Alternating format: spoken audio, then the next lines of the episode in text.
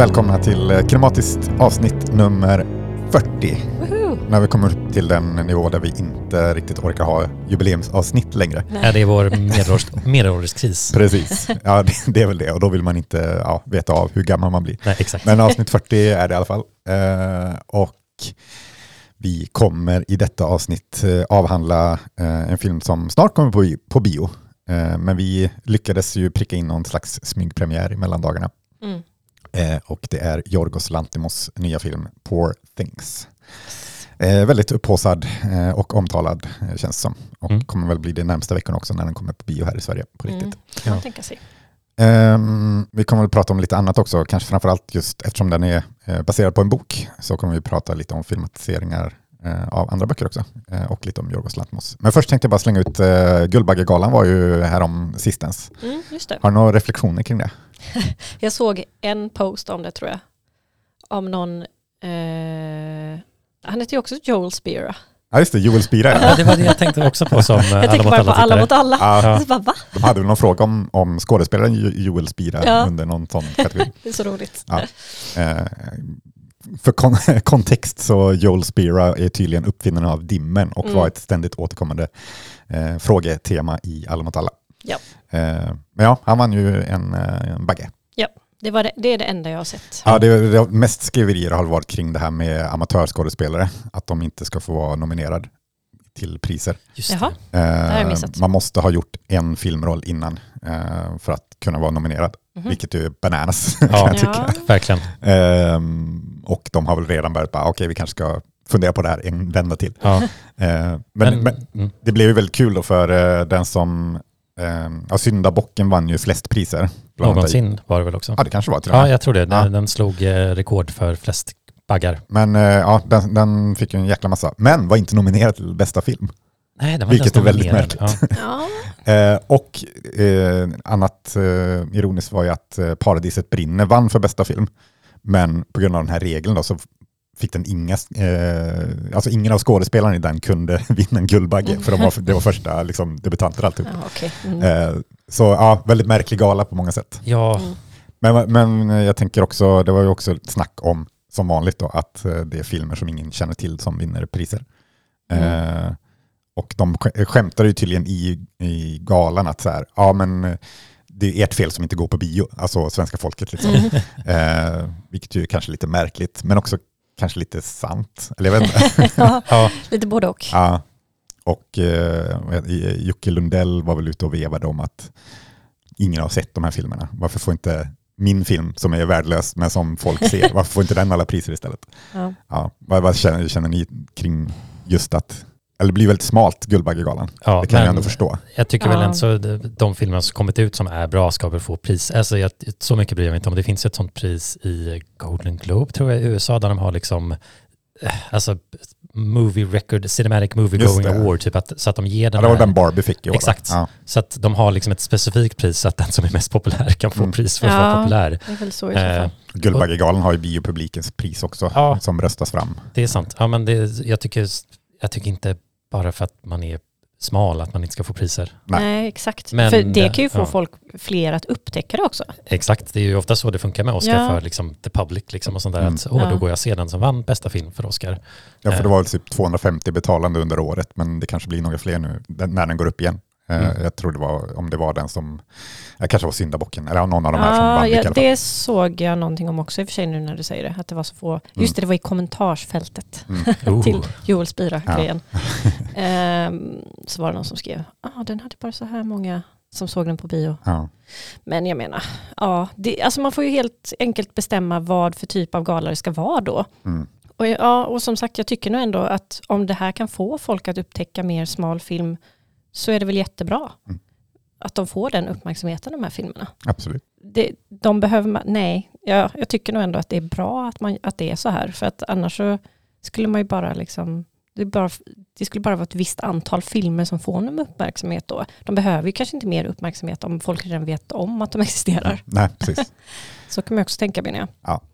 Eh, nej men eh, svenska folket får helt enkelt bli bättre på er. eh, gå på bio. kolla, kolla lite smalare film då.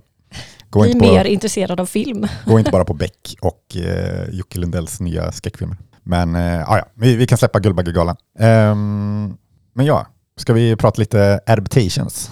Ja. För um, Poor Things är ju en eh, roman, eller baserad på en roman skriven av eh, Alistair, Alistair Gray eh, från Skottland. Eh, kom väl på 80-talet tror jag. Jag visste faktiskt inte att den var så gammal den boken. Ah, okej. Jag trodde den var att den var- ännu äldre, Jaha. Ja. vilket var lustigt. Ja, kommer kanske mer in på, eh, eller jag, jag har läst boken eh, för eh, att Lantimos skulle göra en film av den. Mm. Så jag bara, oj, då måste jag läsa den innan. Kanske kommer in på just den boken mer när vi pratar om filmen.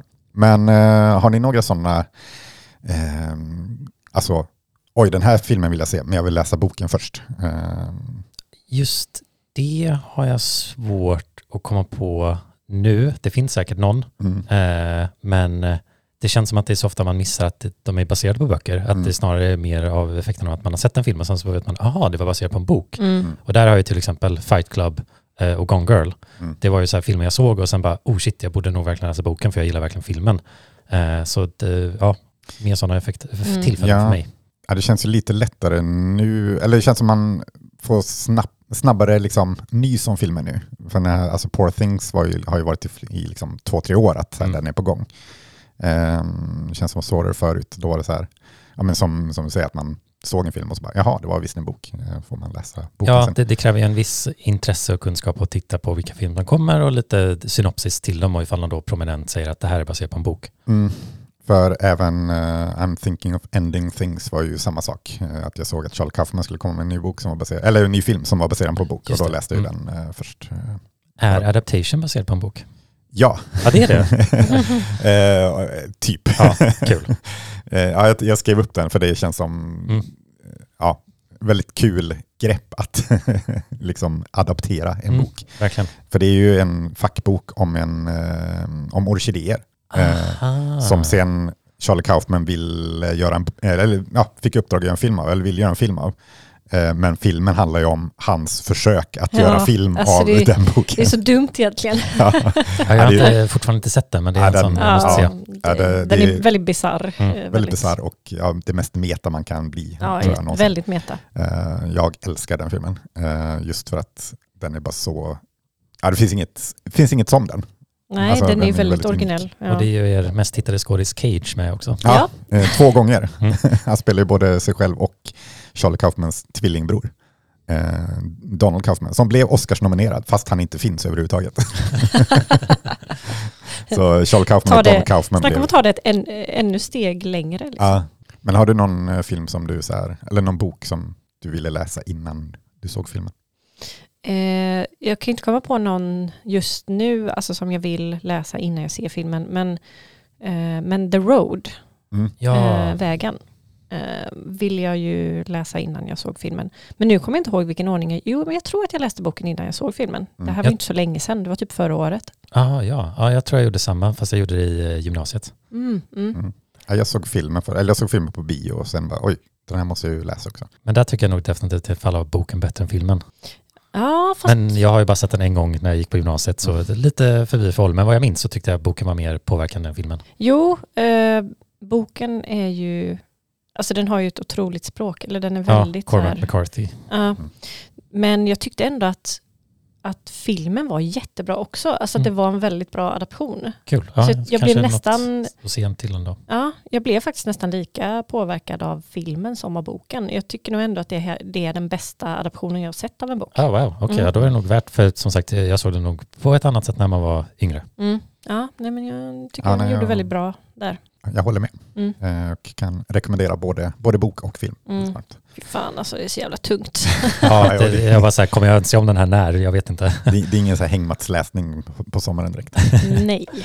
Eh, men eh, nej, den första jag kommer ihåg att jag gjorde, gjorde så, alltså att jag, så här, jag måste läsa innan jag ser filmen, det var ändå Sagan om ringen. För Och jag kommer jag kom också på, förlåt, jag vill bara flika med Harry Potter. Ja, De är ju lite så, men fortsätt. eh, ja, men Sagan om ringen var så här, eh, den var på gång så då bara, men nu måste jag ju läsa böckerna ändå. För, Mm. ja, det, var ju, det var ju filmer som det var mycket snack om innan och man visste att det var böcker eh, innan också. Eh, så, så det var ändå en tid jag kommer på. Eh, att jag så här, jag måste hinna läsa klart nu innan, innan två tornen kommer till exempel. Mm. Eh, Men Harry Potter var väl också, ja men de senare böckerna, alltså de, när de första kom så hade ju inte, var ju inte filmerna på gång liksom. Men jag, jag kommer ihåg eh, när typ sista filmerna kom eller någonting, då insåg jag, men jag har ju inte läst boken, så då fick jag ju läsa boken innan jag såg filmen i alla fall. Mm. Eh, Och insåg att, eller jag bara så här, har, har böckerna alltid varit så här dålig? Nej, dålig var de inte, men det kändes som, eller jag vet inte om det var med, med översättningen eller om det var eller om det blev sämre och sämre med böckerna. Jag vet inte, jag har inte läst om böckerna någon gång. Mm. Men jag, jag blev förbluffad över när jag läste sista boken. Det var ju i vuxen ålder. Och så här, ja, det, här, det här var inte jättebra. Just språket. Ja, ja nej, det, det, har, det har jag ingen känsla över. Men jag minns att jag behövde läsa, jag, jag, jag läste ju sista boken, på, de två sista på engelska Mm. när jag var tonåring. Och jag, det var nog lite för avancerat för mig för att riktigt förstå. Men jag kunde inte inte läsa dem. Mm. Så jag, jag visste typ vad som hände i slutet. Men sen när jag läste om dem så jag bara, va?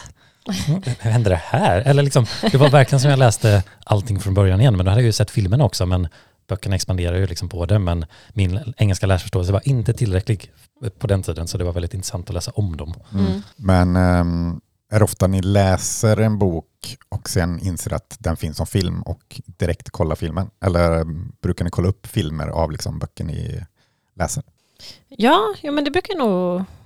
Det händer nog ändå ganska ofta att jag läser någonting och så bara undrar om den här finns som film. Så var det ju när jag läste Väggen, Mm. inte Vägen utan Väggen. Mm.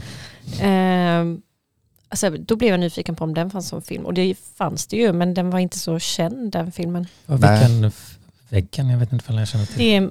mm, Haushofer va? Ja, precis. Vad heter hon i förnamn? Marlene? Marlene Haushofer. Ja. tror jag. Eh, jättebra bok. Ja. Älskar den boken. Den kvinnliga varianten av vägen har jag ju kallat den. Ja, men det handlar ju om en, en kvinna som eh, en dag inser att hon är fast inuti någon slags bub- Ja men, ja, bubbla. men då vet jag exakt vilken det är. Den här har ni pratat om förut Mm. med mig, Mm. så då, då, då vet jag. Ja men det känns som det är många, det är många, det känns som det finns många fall där man känner till boken och sen nästan alla böcker, i alla fall av de här klassiska böckerna har ju filmatiserats någon gång. Mm, Liksom. mm.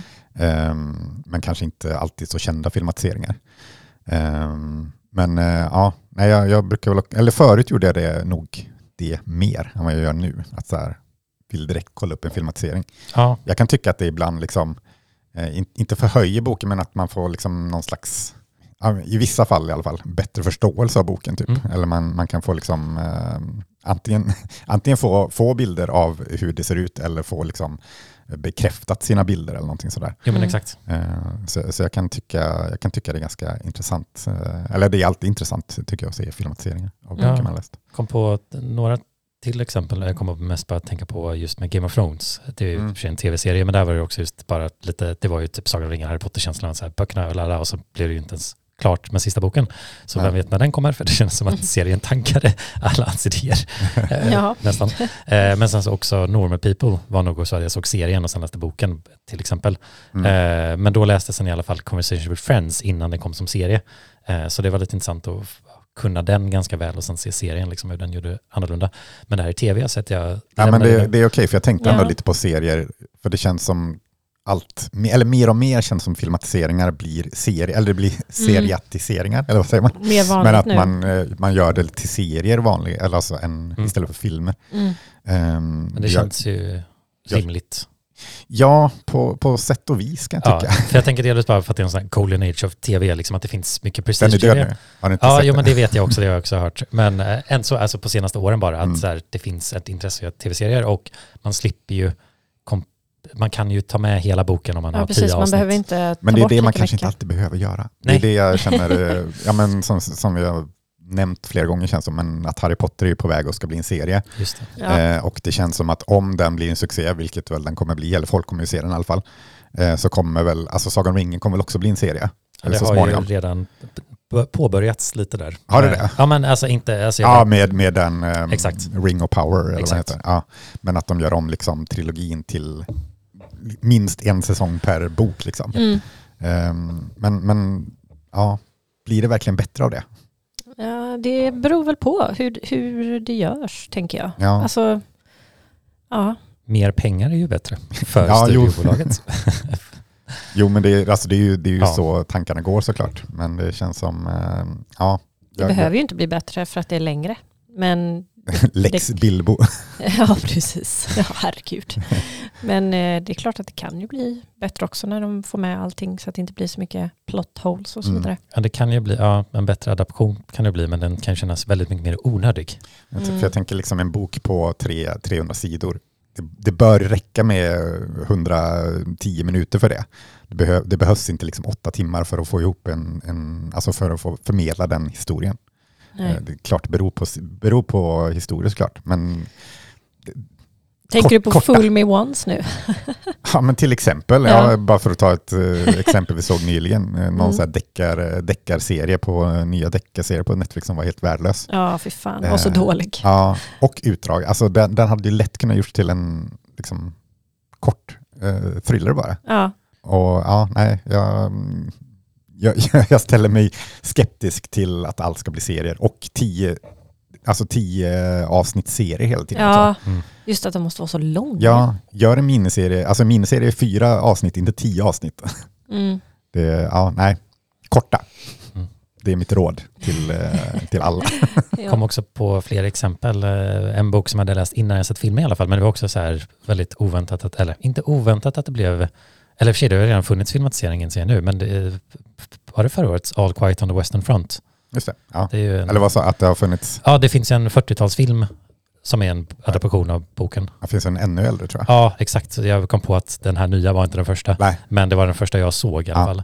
Eh, Men där, där tyckte jag absolut inte riktigt den fångade det jag gillade med boken, vad vad jag minns. Liksom. ja, den, alltså den nya filmen. Nej. Ja, Ja, nej, den, jag har inte läst boken, men Nej. jag har ju sett eh, den första versionen som väl är ganska trogen boken tror jag. Ehm, men det känns som den här sista var, en del grejer var bra med den, men det var Ja. mycket som var märkligt Yes. och gjorde om hela slutet. Ja, Eh, jo men exakt. Det, det känns som att den blev lite mer så här Save It Private Ryan-itiserad Mm. än eh, vad hur boken är liksom.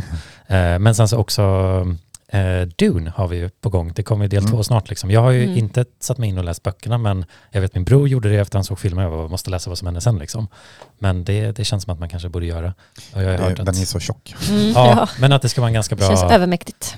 liksom, det där känns väl också som att det beror ju alltid på liksom personen som gör filmen, hur passionerade de är till boken och vad de känner. Men där kanske de är ju också ibland ganska låsa sig att nej, vi måste göra så här för det är så det är i boken. Men Mm. man kanske har de övervägandena, vad gör som en bättre film, vad som gör en bättre bok. Men det känns som att Denis Villeneuve har jag alltid hört att han verkar vara ganska bra på det där.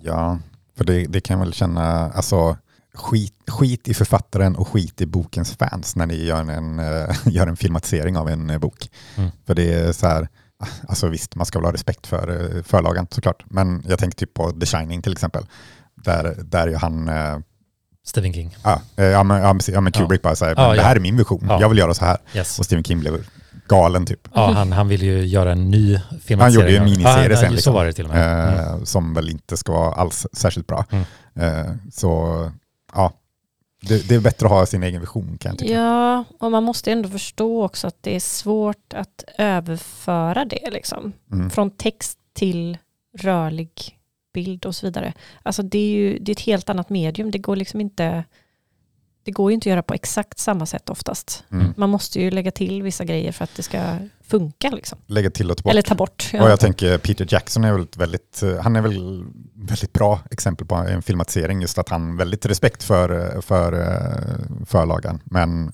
tog bort väldigt mycket och ändrade väldigt mycket Mm. för att han hade en vision över hur filmen ska, skulle bli. Och Mm. det blev väldigt bra. Liksom. jag bara tänker på Bilbo nu. ah, jo, där, där tappade han ju det då. Men, ja, men där är det kul att man har samma person ja, med två olika exempel på så här fyller man ut och gör för mycket medan den andra så här, ja, två Mm. helt olika böcker i storlek och sånt där. Men ja, det är Mm. kul. mm, ja men Eh, verkligen. Ja, just det. Jag kom på en, eh, vilket är ju bara eh, en av mina favoritfilmer för senast, det är ju Greta Gerwigs Little Women. Mm. Det var en sån, jag såg filmen och sen så läste boken, men jag lyssnade en del på hur hon pratade om hur hon just uppdaterade den boken som är från 1800-talet om liksom tonårsflickors perspektiv, Mm. eh, men gjorde den uppdaterad till liksom idag lite mer i känsla och förståelse och jag tyckte hon gjorde en väldigt, väldigt bra adaption där och hur hon liksom lyfte lite metanarrativ i sitt manus som man förstår om man liksom kan boken att den liksom, ja, jag tyckte det var blir för tekniskt att gå in på detaljerna nu. Mm. Men väldigt, väldigt snyggt gjort och till och med en sån film vars manus jag läste. För det är också liksom ganska skrivet i så här två olika tidsperspektiv, i så här rött och blått och liksom ganska mycket text emellan. Så det är inte bara en massa repliker. Så det var Mm. ganska fascinerande och liksom, det är nog den filmen jag nästan satt mig in mest i gällande adaptionen, manuset och filmen liksom och kunna Mm. förstå hur det blev vad. Och det var en så lite lärorikt på något sätt. Mm. Du gör skäl för ditt uh, epitet som Greta Gerwig-fanboy. Ja, verkligen. Mm. ja, jag har ju den hemma, Little Women, men jag har fortfarande inte läst den. Nej, den, den är bra, även ifall den har ju vad som man märker som filmen tar upp, att den har lite den här 1800-tals moraliserande sagan om en hur Mm. man ska vara som person, Mm. eh, som ligger ju någon grund i något så här med kristen presbyterian tro typ, liksom, som jag tror, ja, som gör att vissa storylines blir lite så här, jaha, det här var ganska traditionellt, Mm. men däremellan finns det väldigt mycket liv och annat. Liksom. Mm. Ja, ja, jag gjorde ju en, gjorde ju en lista för några, eller för några avsnitt, det var jättemånga avsnitt sen, men på bästa, eller mina favoriter eh, som eh, filmatiseringen. Och där var ju eh, processen var, ju etta där och sen dess har jag ju sett om den. Eh, och jag nämnde ju nog den i förra avsnittet också, att jag äl, älskar den filmen. Eh, och den, den gör ju något väldigt bra för processen var ju aldrig, blev ju aldrig färdigskriven, men det känns som, utan att lägga till för mycket så gör han den liksom klar, eh, Mm. Orson Welles, när han filmatiserar. Mm. Och, Det är ju eh, ändå skillat. ja, ja, men precis. Och eh, den tar liksom allt som är bra med processen, men, men gör det färdigt. Alltså, Mm. gör, gör så att det blir en helhet. Liksom. Mm. Eh, så därför tycker jag ju det är en väldigt, väldigt bra eh, filmatisering. Ja, och jag kom på det jag glömde bort, eh, Mm. vilket var bara lite snabbt om Gone Girl igen, att vi pratade ju om om man liksom ska strunta i förlagan och liksom allt det där, men där så anställer ju David Fincher eh, eh, hon som skrev Gone Girl, eh, Flynn? ja, Gillian, Flynn. Gillian. Flynn. Så att hon skrev ju liksom manuset och det känns också som en väg ibland att man verkligen anlitar den Mm. eller involverar den som har skrivit boken Mm. på en grundnivå liksom och det är ju samma sak med Normal People. Den serien så skrev ju Sally Rooney tillsammans med någon annan manuset. Så att då där, och jag tyckte det var en bra adaptation liksom av boken. Mm. Eh, så att det känns som att det är också ett sätt att gå att man Mm. inte försöker hitta på hjulet själv utan man säger, ja men hallå, vi pratar väl med dig då ifall du är intresserad. Mm. Men det känns som att det kan gå fel också. Ja, nej, men det, det känns som, ofta så är de väl, ofta med på något sätt i alla fall, konsulterar eller skriver. det. Och det kan ju vara bra. Yes. Men eh, har, ni någon, har ni någon bok som ni har tyckt om och sen sett fall- filmatiseringen och tänkt, alltså blivit besviken? Eller mm, kommer ni på någon? Ja, Eh, jag var ju jag tänker din favoritbok Ja, blev jag filmatiserad. tänkte precis säga det. Ja, eh, We have always lived in the castle av Shirley Jackson. Ehm, ja, den blev jag ju besviken på på ett sätt. För att jag tyckte inte riktigt att den hade den stämningen som boken hade. Och det är också en väldigt svår bok att göra en film av tycker jag. För att det är, så väldigt, det är väldigt mycket hennes eh, huvudkaraktärens tankar då. Liksom, eller hur hon, ja, men hur hon tänker om grejer. Och det, är det känns jättesvårt att föra över till en film utan att ha en berättarröst typ. Och sen var den också väldigt så här, alltså den var ju väldigt snyggt gjord och liksom, vad ska man säga, setdesignen och sådär var ju väldigt snygg. Eh, Men den, ja, den var väldigt pastellig liksom, i färgerna. Och jag vet inte om jag tycker att det passade så bra till det som jag har visualiserat Mm. den som. Ehm, och sen så ändrar de också, eh, de ändrar liksom grunden, alltså historien i grunden. Genom att, jag vet inte om jag, hur mycket jag ska dra av den här, men den handlar ju liksom om att eh, den här flickan då som det handlar om, hon bor med sin syster i ett stort hus och deras föräldrar och deras lillebror och deras, om det är faster eller moster, kommer jag inte ihåg nu, har dött då eh, under en middag där de har blivit förgiftade. Och man vet inte vem som har förgiftat dem då. Eh, men det är ju hon, alltså huvudkaraktären, som har gjort det. Spoiler alert. Ja. Ehm, och i filmen så ändrar, eller då lägger de till då att pappan i familjen är väldigt våldsam och liksom typ misshandlar dem och grejer. Och att det är därför hon dödar föräldrarna då. Och, då, och i, den, i filmen har de ingen lillebror. Men i boken då så får man liksom inte riktigt veta anledningen till varför hon dödar Nej. dem. Det är för mörkt för filmatiseringen. Ja. Liksom, som vill ge henne ett skäl. Ja, Och att inga barn dör. precis. Ja. så det är liksom ganska stor Ja, ändring. För jag, jag såg ju filmen först och jag tror det, gjorde, för när jag väl läste boken så tror jag att jag var, inte, ärrad är väl fel ord, men att jag, liksom, jag hade, hade liksom någon slags smak kvar från filmen. Nej. Som gjorde att det, alltså det, den, jag kunde inte uppskatta boken lika mycket som du gör. Eh, jag kanske hade gjort det mer om jag hade läst den innan jag såg filmen. Eventuellt, jag vet inte. Mm. Eh, men, jag, men jag tänkte också på att en av dina favoritfilmer är också en filmatisering. Ja, eh, Arrival. Eller Jag tänkte på Orlando. Jaha, gud.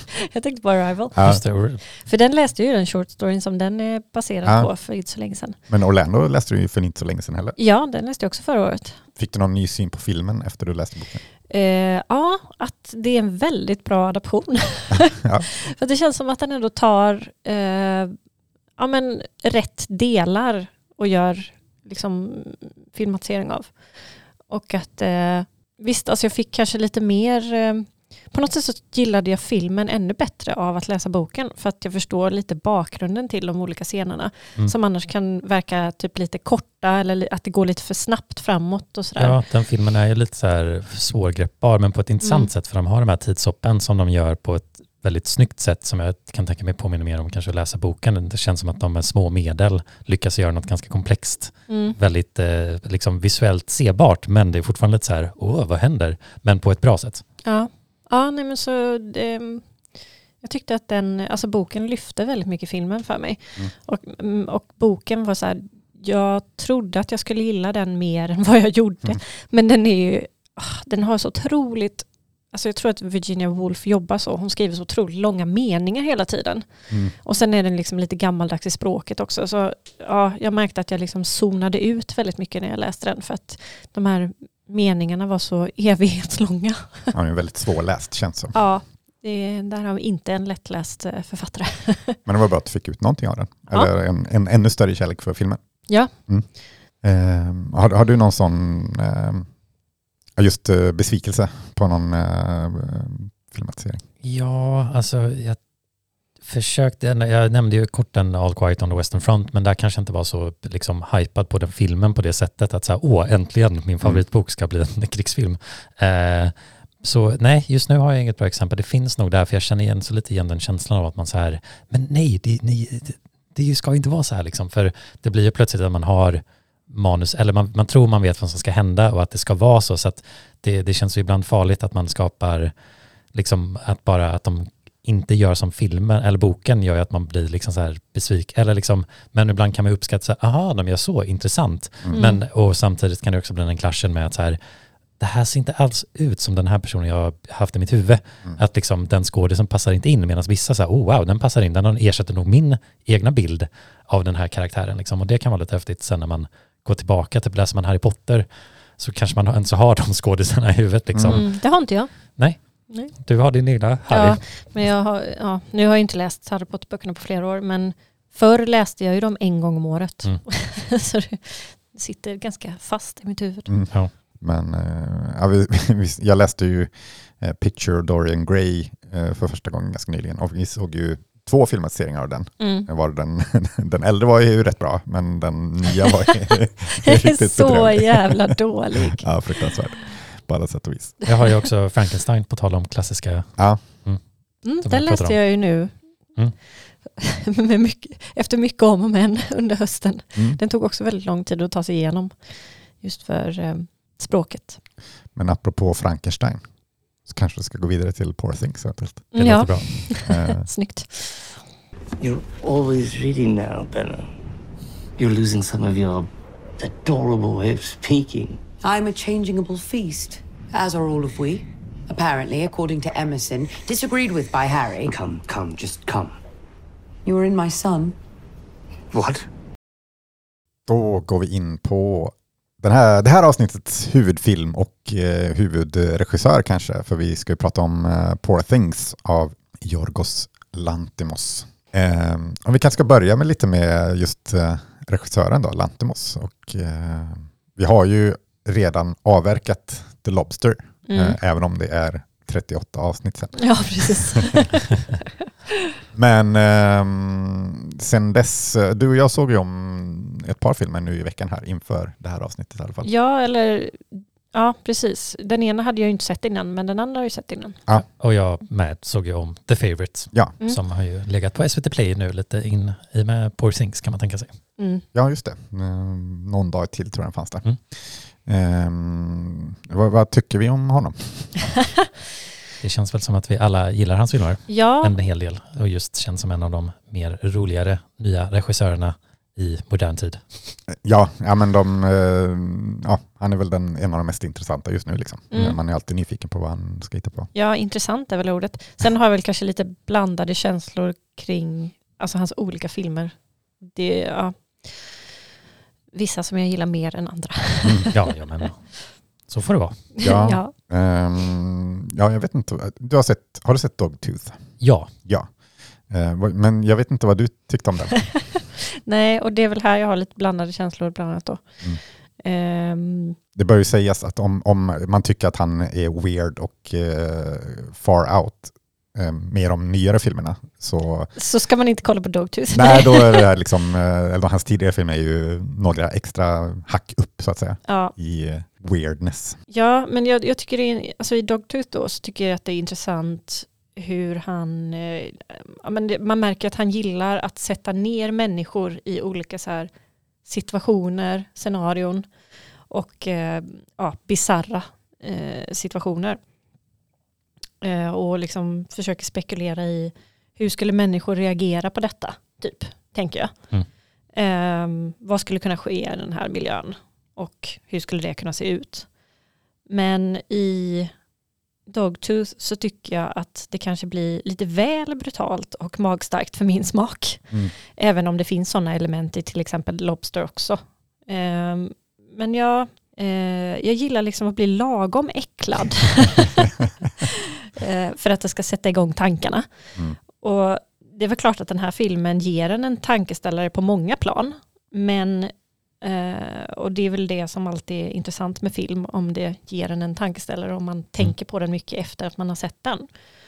Eh, ja, men det här är lite too much för mig alltså, i Mm. Dogtooth. Ehm, och kan ju, den kom väl ut 2008 kanske eller 2010 lite någonstans, kring där och var väl Ja. lite hans eh, genombrott. Även ifall det känns som att han har haft ett par genombrott. Det känns som att The Lobster var ett till genombrott mm, och sen så blev det Favorite cranking ännu ett till. notch. Ja, men det Ja. känns som Dogtooth blev liksom genombrott i, i, liksom film, i filmkretsar Exakt, som gjorde att han fick göra The Lobster som Mm. blev ett genombrott för en större massa. exakt. Eh, Men det känns ju, alltså hans engelsktalande filmer, man, jag, ty jag tycker de skiljer sig ganska mycket från hans grekiska filmer, men man märker ju att det är samma regissör Ja, samtidigt. verkligen. man gör, det gör man ju verkligen. Och det du sa om vad han gillar att göra, det känns ju också som att han gillar att satirisera eller liksom skruva upp mänskliga sociala konstrukter, eller konstrukter, alltså Konstruktioner. konstruktioner tack, eh, om hur man beter sig i de här otalade re sociala reglerna. Som, eh, där blir det, i Dogtooth blir det verkligen familjen Mm. och liksom vad man lär barn och familjerelationer. I The Lobster så blir det ju liksom det här liksom hur man dejtar och kärleksrelationer Mm. och romans typ liksom. Och sen så The Favorite blir ju också en sån här maktbalans och lite Ja, och manipulation. manipulation Ja. och även Poor Things har ju det också med Mm. liksom hur man är som eh, kvinna och människa i liksom Mm. eh, en värld och vilka som vill styra den där. Så det känns absolut som att han har ju verkligen det intresset. Mm. Och jag såg också nu eh, i samband med eh, när han har gjort liksom promotion för Poor Things så var Letterboxd vår mest omtalade eh, företag. Vår husgud. Exakt. Husguden Eh, så fick han frågan så här, vad är dina fyra favoritfilmer? Och den första han säger är ju Louis Buñuels eh, The Discreet Charm of the Bourgeois Mm. Eller Var det därför du såg den häromdagen? det var därför jag såg den här om dagen, för jag tänkte att det här är ett bra val och lite preppa för att prata om det nu. Och den om någon film gör ju exakt samma sak. Den vill ju verkligen satirisera det där och visa hur just då kanske de överklassen beter sig i Mm. mer och mer absurda liksom, situationer. Mm. Eh, och det känns verkligen som att den filmen använder sina skådisar och miljön och stämning för att säga något större.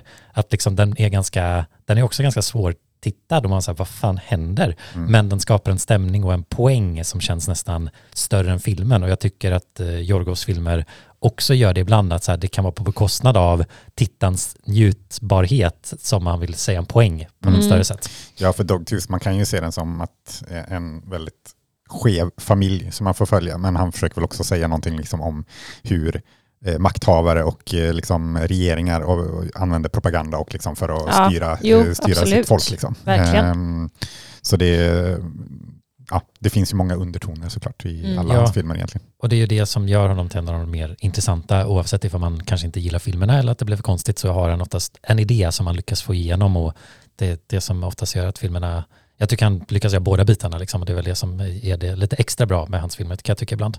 Ja, han gör ju aldrig ytliga filmer liksom.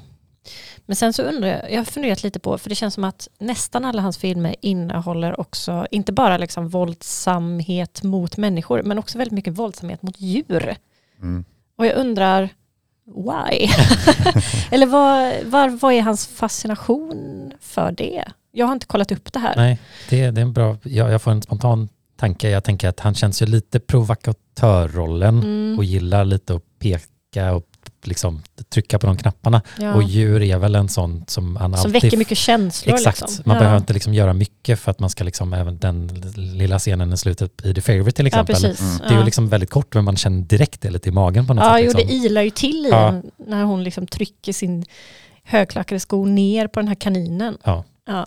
Så jag tänker det är ett effektivt grepp för att få fram den här, liksom, det här är alla människor kapabla till. Typ, liksom. Mm. Eller alla, men ni förstår. Ja. Också just att djur är så hjälplösa liksom. Så Mm. de ska väl spegla någonting också, I guess. Mm. Eh, eller de är ju lägre stående inom Det, det är det jag tänker att det finns liksom en hel del tankar bakom det, men Mm. jag gillar inte att titta på det. Nej, Nej.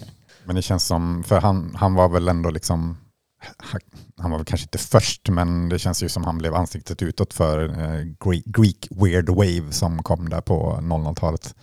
Um, jag har sett en del andra också och det känns som, ehm, ja, of, ofta blir det liksom att nu ska vi vara konstiga bara för att det måste man vara om man är från Grekland nu och gör film. Liksom. Eh, Det känns ändå som Lantimos lyckas på något sätt balansera det, det liksom bizarra med, med någon slags mening. Liksom. Ja, och lite brutit sig ut i, i att han har haft så stor eh, succé utomlands också Mm. och kunna göra helt nya typer av filmer. Och, Ja, och kunna fortsätta vara weird, liksom, även fast han gör... eh, För det känns ju som att det kännetecknas av det här lite stolpigt eh, känslolösmässiga dialogen. Mm. Det känns väldigt sådär igenkännande för hur att folk interagerar som om de vore robotar. Typ, liksom. Ja, och eh, ja, men The Lobster kändes ju, även Killing of Sacred Deer kändes Just ju det. väldigt mycket som hans tidigare filmer, medan kanske The Favourite och Poor Things känns, så sagt, man märker att det är han, men det känns också som något nytt på Ja. något sätt. Mm. Eller det är inte liksom samma gamla Lantimos. Ja, och där har han ju också då arbetat med Tony McNamara Ja. eh, som har skrivit eh, båda de filmerna. Eh, och det känns som att han har med Emma Stone, det känns som att han har hittat lite sitt crew där på ett sätt. Mm. Och de har ju redan gjort en ny film som heter Kinds of Kindness. Och den är redan filmad och kommer med Jaha. Emma Stone, Willem Dafoe. Den är liksom already, de, de håller på med att klippa den nu. Mhm. Mm. Eh, så att det, Snabba ryck. Han Ja. gjorde väl någon kortfilm också med, med ja, eh, Bleat, Just det. eh, som när hon är en widower på en grekisk ö med jätter och annat. Ja. Mm. Jag gillar också så här, om man läser eh, recensioner på flera av hans filmer på Letterboxd så är det många som skriver Yorgos, are you okay? Ja, ja, jo. ja, det känns ju som, nå- något står inte rätt till. Nej, han man är- gör såna här filmer. ja, han är ju lite lustig att lyssna på också. Han gillar ju inte när man lyssnar på intervjuer och sånt och förklarar sina filmer. Så han ger ofta så här inget Vaga. vaga Mm. svar som, han, han svarar inte på frågan typ liksom. Mm. Så att liksom, han verkar lite obekväm i den rollen och behöva förklara och liksom Undrar om han är lätt att leva med. djupgående svar. Det kan man utgå från att han inte är det. ja. Men jag, jag tror nog, eh, jag tror inte, eh, han, min känsla är inte det i alla fall, men eh, han är nog inte bekväm i rollen som marknadsförare. Han är väl gift med en som också brukar, eller i alla fall hans tidigare filmer Mm. var, var hon ofta med. Nu kommer jag inte ihåg vad hon heter. Nej, jag inte heller, men eh, jag vet exakt En skådespelerska är han tillsammans med i alla fall. vem du menar. Se hur länge det håller. Men eh, om vi pratar lite mer om The Favourite kanske, som ändå påminner mest om Poor Things. Mm. Eh, jag, vi såg, såg vi den på bio? Ja. Ja. Och sen har jag inte sett den sen dess. Men nu såg vi om den. Ja, det var samma för mig. Eh, och, eh, 2018 kom den. Ja. Eh, den håller ju väldigt bra. Men som sagt, man märker att det är lite, lite annat eh, skådespel och manus. Eh, Mm. In, inte det som sagt det styltiga som Yes. kännetecknar hans tidigare filmer. Nej, exakt, utan Tony McNamara skriver ju oftast väldigt eh, verbösa, liksom eh, rappa, Mm. eh, liksom. Det är ändå alltid någonting som skaver liksom i leveransen på något sätt, men Mm, det är inte, mm. inte samma styltighet. Liksom. Nej, eh, men det enda jag kan tycka lite med nu när jag såg det om The Favourite nu är att jag tycker att det har varit liksom en så här stegrande raket. Man, man såg The Favourite, sen The Great och sen så Poor Things och liksom alla lite påminner om varandra. Och så kommer man tillbaka till The Favourite och man bara, ja ah, just det, det påminner om det som redan hänt efter som gör att det inte slår lika hårt. Så jag tyckte Mm. Att den kändes nästan mindre nyskapande än vad jag tyckte då. För jag minns när jag såg på bio som var bara wow, jag har inte sett något som har den här tonen till en eh, kostymdrama. Mm. Men det känns som att det har blivit van, när man har sett det lite mer bara vid de här två andra filmerna så slog inte den aspekten lika hårt. Eh, Så jag vet att jag tror jag inte njöt riktigt lika mycket men att fortfarande säga okej det är en väldigt Mm. bra film liksom. Mm. Och speciellt slutet till det. Ja, och jag tycker också det är mm, ja, väldigt intressant just det här med alla mind games och manipulation i den och hur alla beter sig mot varandra och, hur det liksom eskalerar. Och, ja, och sen är den ju otroligt snygg också, alltså kostymerna och miljöerna och så vidare. Mm. ja. Nej, men det känns som att den sammanför, för att jag är ju lite svag för kostymdraman, men ofta det finns ju tyvärr inte jättemånga kostymdraman som är så bra egentligen. Ja, de, de är väl ganska lika varandra också. Ja, men här är det på något sätt som att det gifter sig väldigt bra med kostymdrama ihop med det här liksom satiren och det bizarra och den här rappa dialogen. Det, ja, det funkar väldigt bra för mig i alla fall. Så, ja. Ja, och är ju samma eh, cinematograf eh, för Poor Things och The Favourite. Eh, Ja, det märker man ju också. Eller de har ju samma bildspråk på något sätt. Mm. Ja, men det kän, jag, jag, för jag kollade upp lite liksom, eh, de verkliga händelserna som den är baserad på. Eller Ja. de verkliga personerna. Men det känns så, det känns så konstigt att det är baserat på riktiga, eller att det är riktiga personer och Mm. riktiga händelser. Mm. Det, ja, det, det är lite spännande. Ja, det känns också som Jorgos gillar idén att visa eh, rika personer i eh, att hur, hur dekadenta de kan vara. Mm. Och det gör han på ett kul sätt i The Favourite. ja, verkligen. Ja, nej, för det är väl det också att han har ju alltid, någon, han har ju alltid en humor i sina filmer. Liksom. Ja, Och Mm. även Dogtooth har ju humor, även om man inte riktigt vet om man ska eller får skratta Ja, ibland. Liksom. Men, ja, men eh, ja, den är ju extremt mörk humor. Ja. Det var väl i de flesta av hans tidiga filmer. och Men, det är eh, ju någonting jag verkligen uppskattar att hans filmer är roliga. Mm. Eh, Och jag såg även också för första gången Alps, hans eh, andra film efter eh, Kinetta eller någon sån där hans debut. Som ja, som inte ska vara så bra nej, från typ vet inte. 2006. Alps hade ju, den saknade lite humorn Mm. tyckte jag den, den slog inte riktigt lika. Den var intressant. Han började ju Men- få in sin stil där man Mm. Men, eh, men ja. Och även de eh, skådisarna han eh, hade i, i sin grekiska start. Eh, Just liksom att säga, ja den här personen återkommer i nästa film Ja. också. Alltså jag minns typ inte Alps överhuvudtaget. Nej, det är ju de här arbetarna som ska iscensätta, de ska låtsas vara personer som nyligen gått bort och hjälpa familjerna liksom Ah, processa sorgen. Det. Gud, Så de- det är de- ändå en intressant take. Ja, de blir anställda som eh, skådisar för att liksom ta den platsen som en nyligen gång bort har gjort och så blir det Mm. lite drama kring det. Mm. Han har ju definitivt ett teman om typ döden, Mm. ganska Mm. återkommande i hans filmer. Mm. Verkligen. Ja, för Killing of Sacred Deer kommer inte typ riktigt ihåg. Eller det är ju... Det är den här kirurgen, Colin Farrell. Ja, och eh, Barry Keoghan som eh, blir typ nästlar sig in typ i... Ja. Han, han verkar göra gilla... Tar över familjen på Ja, något sätt. han Va? blir typ som en djävul i den konstellationen. Ja, han, Precis. han lite håller dem gisslan på något sätt prequel till Saltburn. Ja. typ. Nej men, eh, ja, ja men just det. Den var också väldigt disturbing, har jag för Mm. mig. Ja, jo. Det, Och det, ännu mer kall liksom. Ja, ehm, Lite mer skräckfilmsaktig, mm. eller? Ja, men känsla av. nästan lite psykologisk thriller i alla fall. Ja, Mm. mer Shining-aktigt på något sätt. Ja, nästan lite Haneke typ. Funny Games Mm, eh, just det. kan man nästan eh, Och Dogtooth kanske har lite den tonen också. Ja. Ja. Men eh, hans nya film då är ju väldigt färgrik istället. Och, Mm. eh, får man ju säga. ja. Det, det är väl det som är lite nytt. Eller, ja, ja, men, ja, Favorite känns lite blek ändå fast ändå Ja. lite mer färgrik. Just med kostymer och Mm.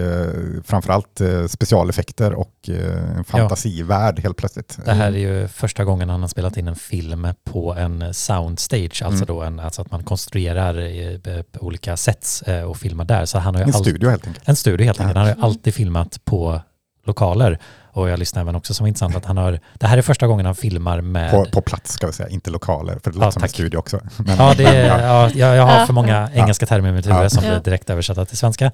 Och så det är bra att ni rättar mig. Ja.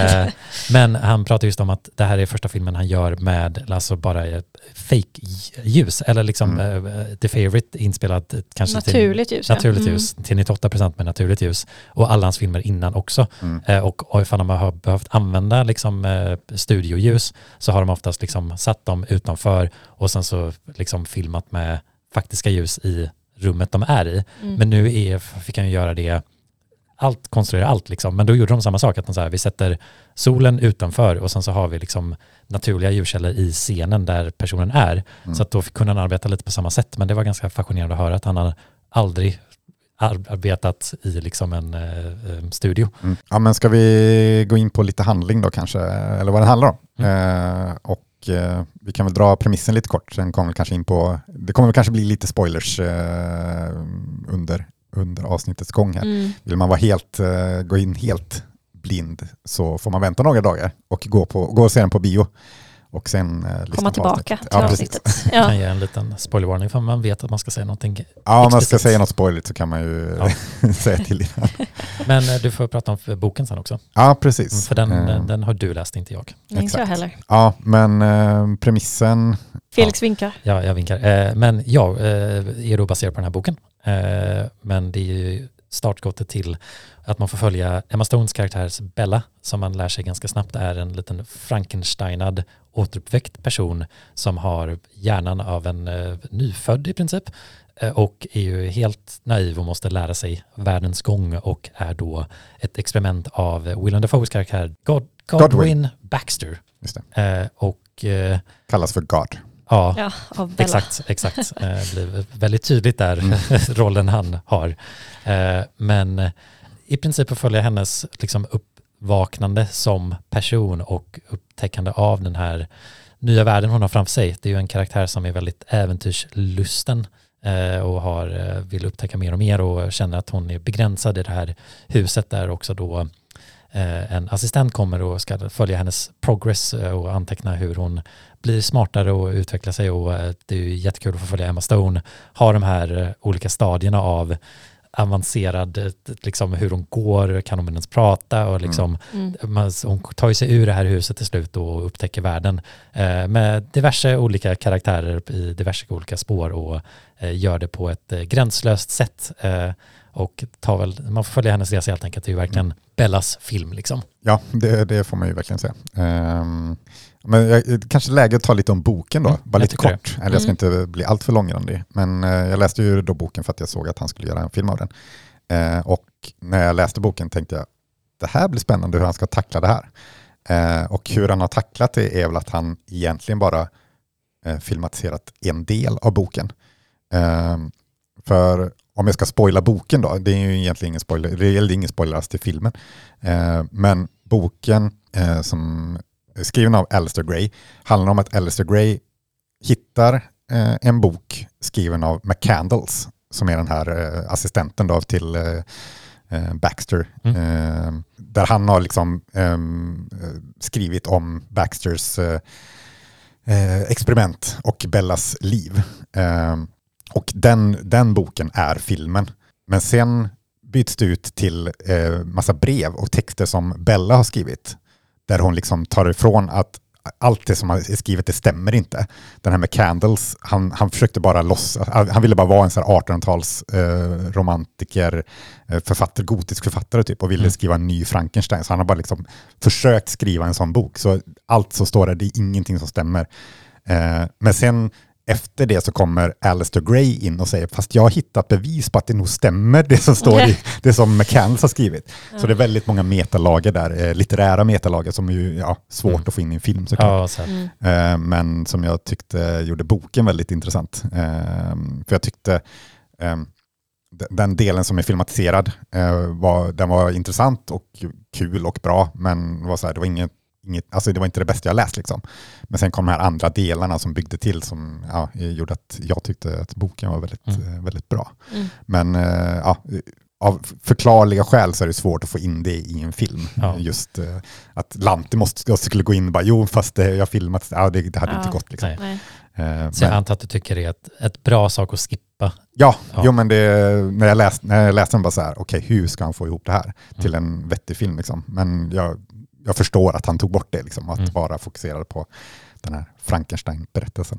Mm. Eh, men ett intressant litterärt grepp skulle jag vilja säga. Ja. Ja, det låter ju som. För jag var lite nyfiken, har boken den här fantastiska beskrivningen av miljöerna och den, alltså, för det är ju typ som ett kostymdrama, men Mm. det är i en alternativt universum där det finns Lite liksom, ja, steampunk. framtids, exakt, Ja. framtidsteknologi. Nej, alltså in, Mm. inte som jag kommer ihåg det, Mm.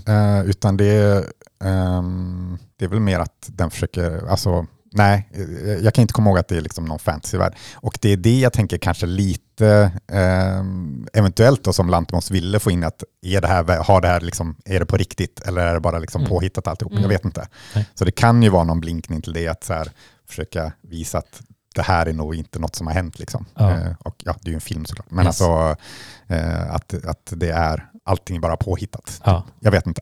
Men eh, vad tyckte du generellt om den? Alltså jämfört med hans andra filmer? Jag tänker den är ganska annorlunda i Ja. visuellt uttryck. Jag tänkte mer så här skådespel och eh, scenografi och sådana saker. Liksom. Ja, jo, men scenografin eh, var ju fantastisk. Sen tycker jag kanske att vissa miljöer som skulle vara lite så här fantasimiljöer var kanske lite väl mycket fantasi. Eller liksom så här, blev lite väl green screenigt ibland. ja precis, det kändes li lite väl eh, 3D-animerat eller någonting, jag vet inte riktigt. Men andra miljöer uppskattar jag jättemycket och kläderna är ju verkligen fantastiska. Ja, Det känns verkligen. ju som att de måste vinna priser för det här. Ja, Mm. jo men eh, jag, tror... Nej just det, han, han anställde två produktionsdesigners. Han kunde inte välja vilken han ville anställa så han anställde båda. så fick de jobba tillsammans. Eh, och jag vet också att Emma Stone var väldigt involverad i kläderna och Ja. hur de skulle liksom övergå i Bellas faser till att bli mer vuxen. Mm. För hon har förklarat som att det finns fem stadier av Bella Mm. i olika åldrar, hur de går, hur de pratar liksom, och sånt där och då vilka Mm. kläder hon har också. Mm. Eh, så det var, det var intressant att höra om. Ja, men det uppskattar jag väldigt mycket. Eh, men sen så har jag ju, som jag nämnde i förra avsnittet, väldigt mycket blandade känslor kring den här filmen.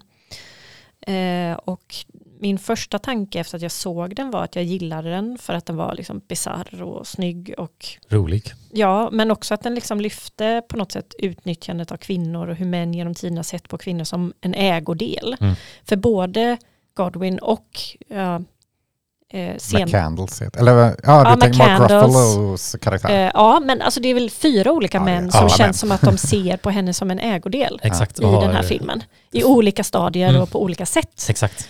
Eh, och det tycker jag var liksom intressant hur filmen lyfte det. Eh, men också hur den tänker kring om man på något sätt skulle nollställas som människa som hon gör då. Hon blir ju en helt annan människa Mm. än den hon var innan hon dog då, Bella. Ehm, och hur det skulle vara att få upptäcka världen på nytt och hur det skulle se ut, lite som du sa innan. Eh, vad skulle man intressera sig av? Eh, hur skulle man tolka världen och hur skulle man navigera i den? Att på något sätt kunna utforska världen utan att ha några förutfattade meningar eller liksom förförståelse för den. Mm. Ja, men men, här kommer ett Mm. men. Mm. Eh, jag hade klarat mig utan allt det här sexet som är i den här filmen. Jag vet inte, alltså, det går väl inte att säga en, alltså hur alla personer hade utforskat världen. Det är väl klart att en del kanske hade gjort det genom sex, men det känns bara som att det, det är så himla mycket sex. Mm. Eh, och det blir ju också bisarrt på en helt ny nivå och lite, det, ja, just när hon har ett barns hjärna. Mhm. Det är just hela den grejen blir ju Ja, väldigt liksom det så är ju etablerat eh, tidigt i filmen där också. Just, och eh, absolut, det känns som att den vill leka med det och man blir lite själv, som tittare så är det som att man själv ska nästan bli lite så här, åh, vad har du haft för tankar? Liksom, tänkte jag liksom att de vill göra en tittaren också lite så här complicit i, liksom så här, mm. hur ser du på Emma Stone liksom i det här fallet? Liksom, Ja, typ? ja, precis. Och det blir ju väldigt disturbing då, alltså tanken på att hon har ett barns hjärna Mm. och har jättemycket sex. Ja, det, det är svårt att veta vad det är. Det, det är liksom, det, ja, absolut, det blir inte problematiskt, eller jo, men på något sätt. På något sätt så blir det ju det. Ja, Mm. Men samtidigt så tror jag inte, jag tror ju inte liksom, eller jag har ju sett folk som har skrivit så här, ah, den här uppmuntrar till pedofili. Man bara, ah, nej, nej, nej, det är att dra det lite väl långt. ja. Mm. Alltså, Jag då tycker, tycker jag inte att man har fattat någonting om man tycker det. Men så på sätt och vis så kan man väl säga att den ändå försöker lyfta problemet om hur män utnyttjar kvinnor och barn genom makt och status och åldersskillnad och beroendeställning. Mm. Ja, för det är ju, vissa säger att det är en väldigt feministisk film och det, så kan man absolut se den. Eh, men det är väl kanske mer en anti-man-film Ja, jo. i sådana fall. ja. Eh, och det, det känner jag väl även fanns i boken också, liksom just att, så här, att alla blir så, direkt de ser henne så blir de förälskade. Liksom. Mm. Och så här, jag måste ha henne. Ja. Eh, även fast hon knappt kan gå eller prata typ. Mm. Och, och just, ja men det är väl bara visa, eller antagligen för att visa att män, tar, eh, ja, men, tar sig friheter och ja men också Men just också att så här- det, här är lätt erövrat. Ja, typ. jo, Eller precis. alltså- och liksom infantilisering, Ja. eller vad man ska säga. Att de, så här, ja men här är en, en, eh, det är gulligt och det är lätt att manipulera Mm. den här naiva och lite korkade kvinnan typ.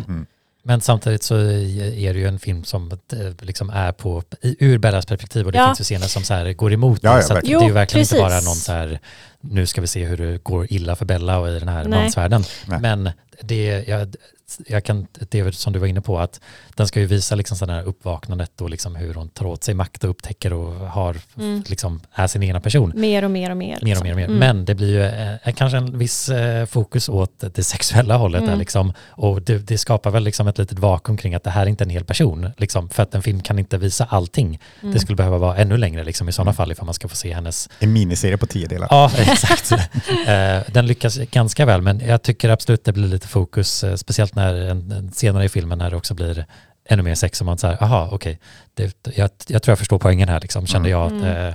eh, eh, tycker jag, så sett, men eh, Ja, för Men- jag har ju också skrivit här liksom att ja, det känns ju ändå som att hon har väldigt mycket makt själv också, eller hon fattar egna beslut och tar kontroll. Mm.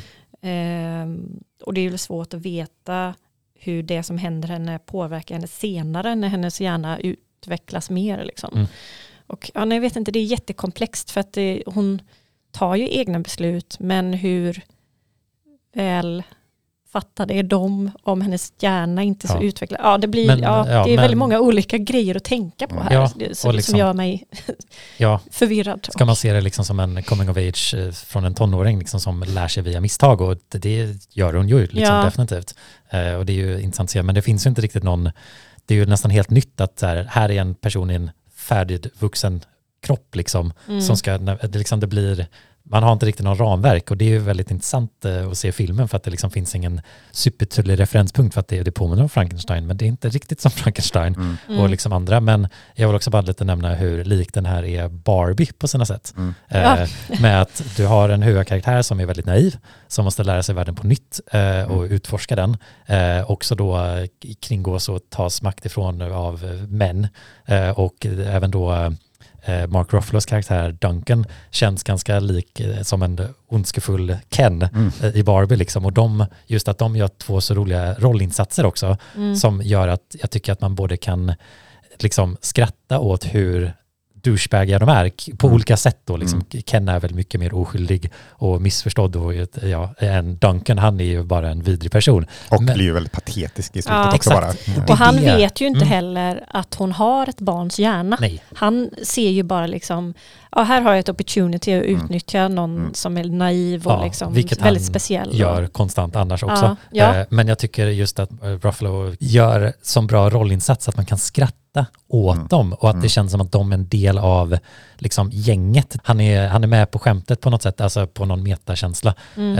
eh, och bara hur over the top eh, Ruffalo gör det. ja. Men på ett sätt som, när jag såg den på bio så var det så kul. Det finns en scen som är med i trailern sen också när eh, Emma Stones karaktär Bella eh, liksom slår till honom på eh, käften.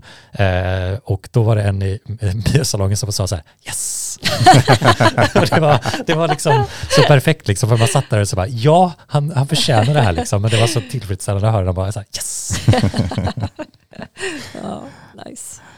Ja, apropå det, när vi såg den så var det väl några eh, tonårskillar som väl var helt lyriska efteråt och sa att det här är absolut bästa de någonsin har sett. Ja, de visste nog inte vad de gav sig in på när Nej. de gick in i biosalongen tror jag. Och det kändes väl så här, ja, ni har inte sett så mycket, det märker man, men Ja. skönt att ni ändå börjar komma in på kvalitetsfilm. Ja, Ja, men att konstiga filmer Ja, också precis. kan ge någonting. Typ. Och det Måste vara det, konstig på rätt sätt. Eller ja, men det är väl det Lantimos har gjort lite grann. Att han, eh, för, för The Lobster, att det blev Ja. en sån succé var ju också bara, men, men hur? Hur? Varför, går, Hur varför, hände det? varför Ja. blev det här en succé? ja, Eh, för den är ju liksom jätteskev. Och den här är ju också supermärklig på alla sätt och vis. Men kommer ju, Mm. är, är, ja, är väl redan en succé liksom. Ja, men eh, jag tänker kanske här ett litet bra läge och jag vill kanske nämna några spoiligare saker bara för att ge- min fulla take på filmen. Okej. Eh, så eh, om ni inte vet eller så klipper vi bort det här, vi får se. Men jag vill bara lite nämna då alltså, jag tycker Bellas hela resa och som jag syftade lite på innan när hon kommer då ska vara en prostituerad. Mm. Och den sekvensen och lite vad det ska säga om så här kvinnlig uppvaknande och liksom så här, det här är ett sätt att vara independent liksom och den konversationen kanske inte riktigt filmen lyckas visa på ett fullt nyanserat sätt, även ifall den försöker göra det Mm. på ur Bellas perspektiv och det är där man får egentligen hålla det. Mm. Men det blir lite konstigt när hon ska liksom göra eh, liksom prostitutionen till en bättre, mer feministisk upplevelse. Ja, och liksom nej, så här, är jag är min egna means of production och man säger ja det finns en ton av det och det finns en take att ta där och det finns liksom något som inte är problematiskt med det men det blir så ensidigt i det Mm. eh, hur den visar det och där tycker jag också jag känner att okej jag förstår att hon har sex med de här lite groteska konstiga personerna och får fylla den här liksom den stora nyansen av folks sexuella aptiter och Mm. det blir lite, det var mest awkward tycker jag nog när, när det var pappan som skulle ta med de här barnen. ja Man bara, för att lära dem om Ja, sex. det typ. var, det Ja, var creepy. Ja. Eh, den går ju vidare från det som tur är, men jag tycker inte riktigt att eh, manuset, eh, det blev lite, föll lite i sin, eh, det kändes som att det skulle läxa upp en lite. Men ja, där någonstans så tappar filmen mig lite, men jag gillar den fortfarande mycket och så kanske tyckte att slutet blev lite för perfekt på ett sätt. Mm. Att det blev inte riktigt så tillfredsställande när liksom det gick hennes väg så mycket. Mm. Jo, men just med bordellen.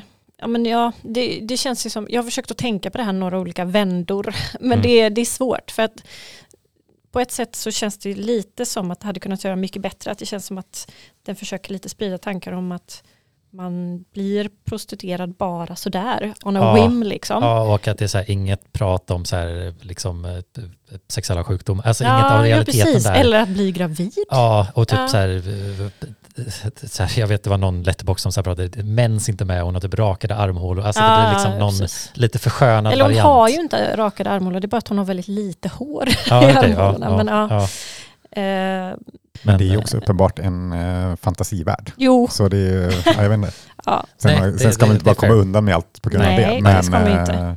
men eh, ja. Ja, nej, ja, men jag, jag vet, alltså det känns som att den, he- hela bordellgrejen kanske inte gjordes på riktigt Nej. rätt sätt. Men samtidigt så tänker jag också att det är också svårt att veta hur en sån, det här är ett omöjligt scenario liksom. Exakt. Hur hade en sån person gått in i det här? Yes. Hon började ju med det för att de behövde pengar och insåg att man fick pengar om man gjorde det här. Mm. Eh, men sen så kunde hon ju bara lämna det när hon ville egentligen så länge hon liksom tog sig tillbaka Mm. till London är det väl? Ja. Ehm, så på så sätt så blir det lite så här, ja, men det, det är också så här att hon kanske är lite för nyfiken i sitt sätt på den här bordellen också. Ja, och det känns ju nästan som en mest kännetecknande liksom, ability att vara nyfiken. Liksom. Mm. Och det, det blir väl lite fel kanske den här, för det kanske spär på hela den här grejen, men det finns otroligt många människor som är rent ut sagt dumma i huvudet, som tror att alltså folk blir prostituer- prostituerade för att de vill och för att de gillar det. Den här alltså myten om den glada horan och så vidare. Ja, Alltså det, det är ju väldigt skadligt med Ja. det tänket. ja, och då blir det så respektlöst för att säga, det är ett jobb i sådana fall. Älskar du ditt jobb? Kanske inte, men du gör ändå. Liksom. Mm. Ja, och Ja. för att man inte har något annat val, eller att Ja. man känner att man inte Ja. har något annat val. Så här, kan du lämna Man är ditt jobb fast och i det, byta? liksom. Ja. Ja. Ehm, men sen så tror jag ju inte att det är det filmen egentligen vill förmedla. Nej.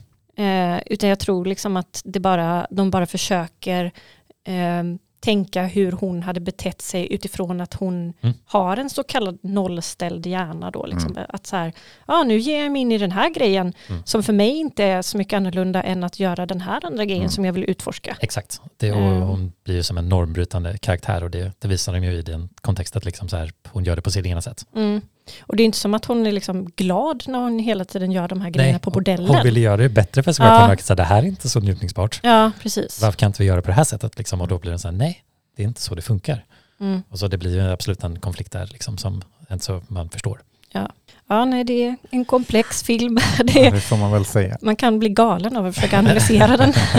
Men den är ju lite som du brukar säga en wild ride. Ja. det är ganska enkelt att bara så här koppla av och säga okej jag bara tittar liksom. Mm. Och den, Ja. den är ju rolig genomgående liksom. Ja. Mm. Eh, Men disturbing också. Ja. Mm. Men Mm. eh, får jag nämna till lite en rolig teknisk detalj. Det är bara kul med musiken, att det är första Ah. gången ah. Lanthimos arbetar med en kompositör. Det glömde jag säga. Jag gillade musiken jättemycket.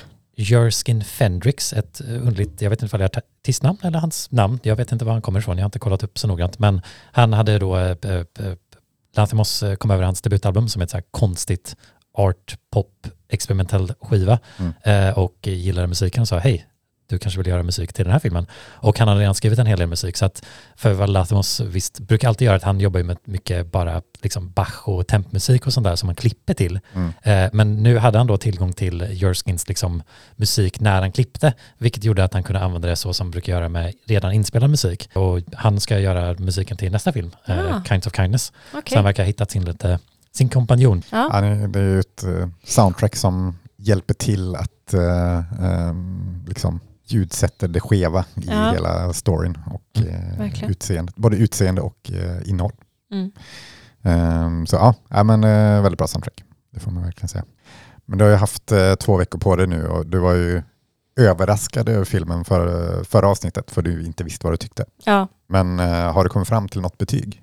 Nej men det är väl, alltså, jag, ja, alltså det är fortfarande så att jag inte vet, det är för mycket olika känslor som står emot varandra när det gäller den här filmen. Mm. Så jag tycker fortfarande att det är jättesvårt att sätta ett betyg på det. För att det är så, hur, alltså hur ska man värdera det genom ett betyg då? Så här, hur många stjärnor ska man plocka av för att det är de här elementen som jag tycker är för disturbing? Typ. Mm. Ja, Skulle ja. det varit en, en femma utan det här? Eller vad är det som, alltså vad sätter man, vad Ja, går Vad gränsen är ett liksom? betyg? Vad är ett Ja, betyg? det känns också man börjar det kan- allt. bara du svarar på också. Ja, jo, För, för, ja. och jag tycker det är skitsvårt så här. För Mm. att, ja. Men just nu så ligger det väl på att det får vara, även om det känns tråkigt, så en, en trea då, som att jag inte vet. Vi återkommer om ett år så får vi se. Ja, om det- kanske. Ja, det, är, det är inte säkert jag är klokare då. Nej, kanske inte. Eh, Men vad har du för betyg? Ja, jo, men jag, jag har en så en stark fyra. Ja, nej, men jag landar väl också på en fyra. Tycker, han har ju, ja, jag vet inte vilket som är hans bästa. Nej, längre. jag är osäker också. För nu såg jag om Dogtooth och jag har väl Lobster, jag har ju en femma på, men jag, Mm. ja, det är svårt. Ja. Vilket som är hans bästa, men kanske inte den här, men eh, ändå bra. I find myself merely jealous of the men's time with you, rather than any moral aspersion against you. It is your body, Bella Baxter, yours to give freely. I generally charge 30 francs. Well, that seems low. Yes, men vi eh, avslutar i vanlig ordning med en eh, lista. Eh, Vi går tillbaka till filmatiseringar av böcker. Eh, Jag tänkte först bara fråga snabbt, har ni någon bok som eh, ni gärna hade sett filmatiserad? Ja, eller jag funderar lite på um, den här, eller vi, du och jag Krille läste ju en bok som heter Radiance Mm. av Catherine Valente eh, förra året. Och den tänkte jag på medan jag läste den att den hade varit intressant om den skulle filmatiseras. Det är ju en liksom, ja, sci-fi bok som utspelar sig på olika planeter i, eller Hollywood ska det vara, men i olika planeter, på olika planeter i solsystemet. Eh, Ja, det är, det är en väldigt intressant värld i den i alla fall. Ja, Det hade varit kul. Har du någon eh, bok? Ja, det känns som att jag skulle kunna tänka vidare och komma på något annat, men det som kom till mig först eh, var, det finns en fantasybokserie som heter, eh, ja, kan man kalla det Baru Cormorant, eh, som är, ja, alltså lite Game of Thrones-aktig, men på ett eh, mycket bredare perspektiv och tar mer upp liksom effekterna av kol, kolon, äh, kolonialism. Tack. Jag vill inte ens försöka. Eh, och eh, liksom eh, förtryck mot eh, eh, homosexuella och annat. Liksom. Den har Mm. teman som jag känner att jag inte läst i fantasy särskilt ofta. Mm. Inte att det handlar om, eller den, liksom, den är intressant oavsett det, men jag märkte när jag började läsa bara, "Huh, det här har jag inte läst, men jag har inte läst allt fantasy och det finns säkert jättemånga exempel. Men jag har heller inte sett det på film Mm. direkt. Så att den skulle vara väldigt intressant att se. Den skulle vara ambitiös att göra, men det skulle vara häftigt att se eh, Mm. ett försök. Ja, eh, min lista är... Eh, jag tänkte först göra en lista på böcker som jag hade velat se, men jag ändrade lite och kommer göra en lista över eh, fem klassiska eh, bilderböcker som jag tänker att eh, eh, stora kända namn borde ta tag i och göra en film av. Ja. Eh, eller det är fyra klassiska eh, bilderböcker och en eh, lite nyare favoritbilderbok. Eh, eh, I alla fall. Men eh, på eh, femte plats så eh, lägger jag in stackars Petson, eh, Sven Nordqvist då, eh, som skrivit den. Och det är ju den Petson-boken där eh, Petson är sur hela tiden och Findus försöker eh, muntra upp honom. Och jag tycker att eh, det känns som Ken Loach gör lite så här, eh, han fortsätter med sina allvarliga filmer men det ska vara lite mer solsken i hans nyare filmer. Så jag tänker att det här är kanske en bra film som han kan göra eh, i sådana fall. Eh, funderar på kanske Bill Nye som Petson eventuellt eh, hade väl kanske funkat bra. Han är ganska bra på att ut i- spela butter. Ja, men jag vet inte han ser ut i skägg dock. Så det är det. Ja. Eh, ja, men det är i alla fall eh, ett, ett alternativ. Sen på fjärde plats så tog jag eh, historien om någon. Eh, den här Ja, klassiska, jag älskade den när jag var liten. Eller hur? Det är en röd tråd som eh, eh, går runt hela huset och man vet inte vad det är. Den Och är jag tänker nice. att eh, det kan ju nästan bli som någon slags uppföljare till Skinnamarink typ. Ja. Så jag tänker att eh, han som gjorde den helt enkelt kan eh, göra, göra den eh, rättvisa. Mm. eh, helt enkelt. Ehm, så, så den får vara med. Sen eh, på tredje plats eh, så har vi Sagan om pannkakan. Eh, och det är en pannkaka som rullar runt och möter olika djur. Anka panka och höna pöna och sådär. Jag tänker att det är något för Wes Anderson att göra en ny stop motion-film av den. Det känns Mm. som både dialogen och tema, ja men det känns som Mm. det skulle passa Wes Ja, Anderson det- på något sätt. Det känns det verkligen som. Ehm, så ja, på andra plats så har jag Jan Löfs Sagan om det röda äpplet. Ja. Eh, och det ju, handlar ju om ett äpple egentligen som eh, får sig en tur runt om i staden, byter ägare hit och dit och sådär. Eh, och den här personen är ju död, men jag tänker det kändes väldigt Jacques Tati ändå att göra det. Liksom, göra någon slags satir över samhället och det är lite så här, eh, fortfarande lite fysisk humor och sånt där. Liksom. Så det känns som en Jacques Tati-film. Ehm, men på första plats, det här är inte en klassiker, en framtida klassiker kanske, men Jag tror jag vet vad du kommer säga. ja, jag tog Furan Ja, av eh, Adbåge. Eh, en, en av de bästa böckerna jag läst, period. Eh, men alltså det, den är svinbra. den är jag älskar svinbra. den. och vem ska inte göra den om inte Robert Eggers såklart. Ja, ja. ja. Eh, det, den handlar i alla fall om, eh, det är en familj som flyttar ut i skogen och eh, bygger ett hus där. Eh, men huset börjar liksom växa till liv, eller träden som de har gjort huset av börjar liksom ta över dem mer och mer och till slut så Eh, spoiler alert för den här Mm. boken på 20 sidor. Eh, så blir, blir familjen blir mer och mer som träd och till slut är de bara träd. Och sen kommer en ny familj och flyttar in och hugger ner dem och gör, eh, gör eh, Ah. hus av dem också. Dark. Det är dark, Ja. det är svinbra Ja. och Robert Eggers gör den bara. Är coolt. Eh, så ja, fem svenska klassiska bilderböcker som eh, snart är på en bioduk i Hollywood. alla de var bättre idéer än vad jag liksom inbillar mig, men det känns, why not ta ja, bildböcker Ja. som inspirationskälla? Ja, men eller hur? Ja. Det, det är det nya. Ja. Konceptarten är redan klar. Kom ihåg vart ni hörde det först. Ja. Men ja, det blev eh, dagens lista i alla fall. ja, bra lista. Tack. Ehm, snart, ehm, på torsdag är det väl halvpremiär för filmfestivalen. Mm. Eh, och med det så kommer ett filmfestivalen specialavsnitt om två veckor. Så om ni är i Göteborg, gå på så många filmer ni kan. Om ni inte är det, köp onlinepass och kolla så mycket filmer Vi ni är kan. inte sponsrade. Nej, men eh, om ni vill hänga med i vilka filmer vi snackar om Ja. så kan det vara bra. vi, vi försöker bli sponsrade. Nästa år så kanske vi får vara med Ja. på något sätt. Man får Ja. sitta med programmet när man lyssnar på nästa avsnitt så kan man slå upp och läsa om filmen. Exakt. Tips. Ja, men det blir i alla fall filmfestivalen special eh, nästa avsnitt. Mm. Men nu säger vi hej då. Hej då. Hej då!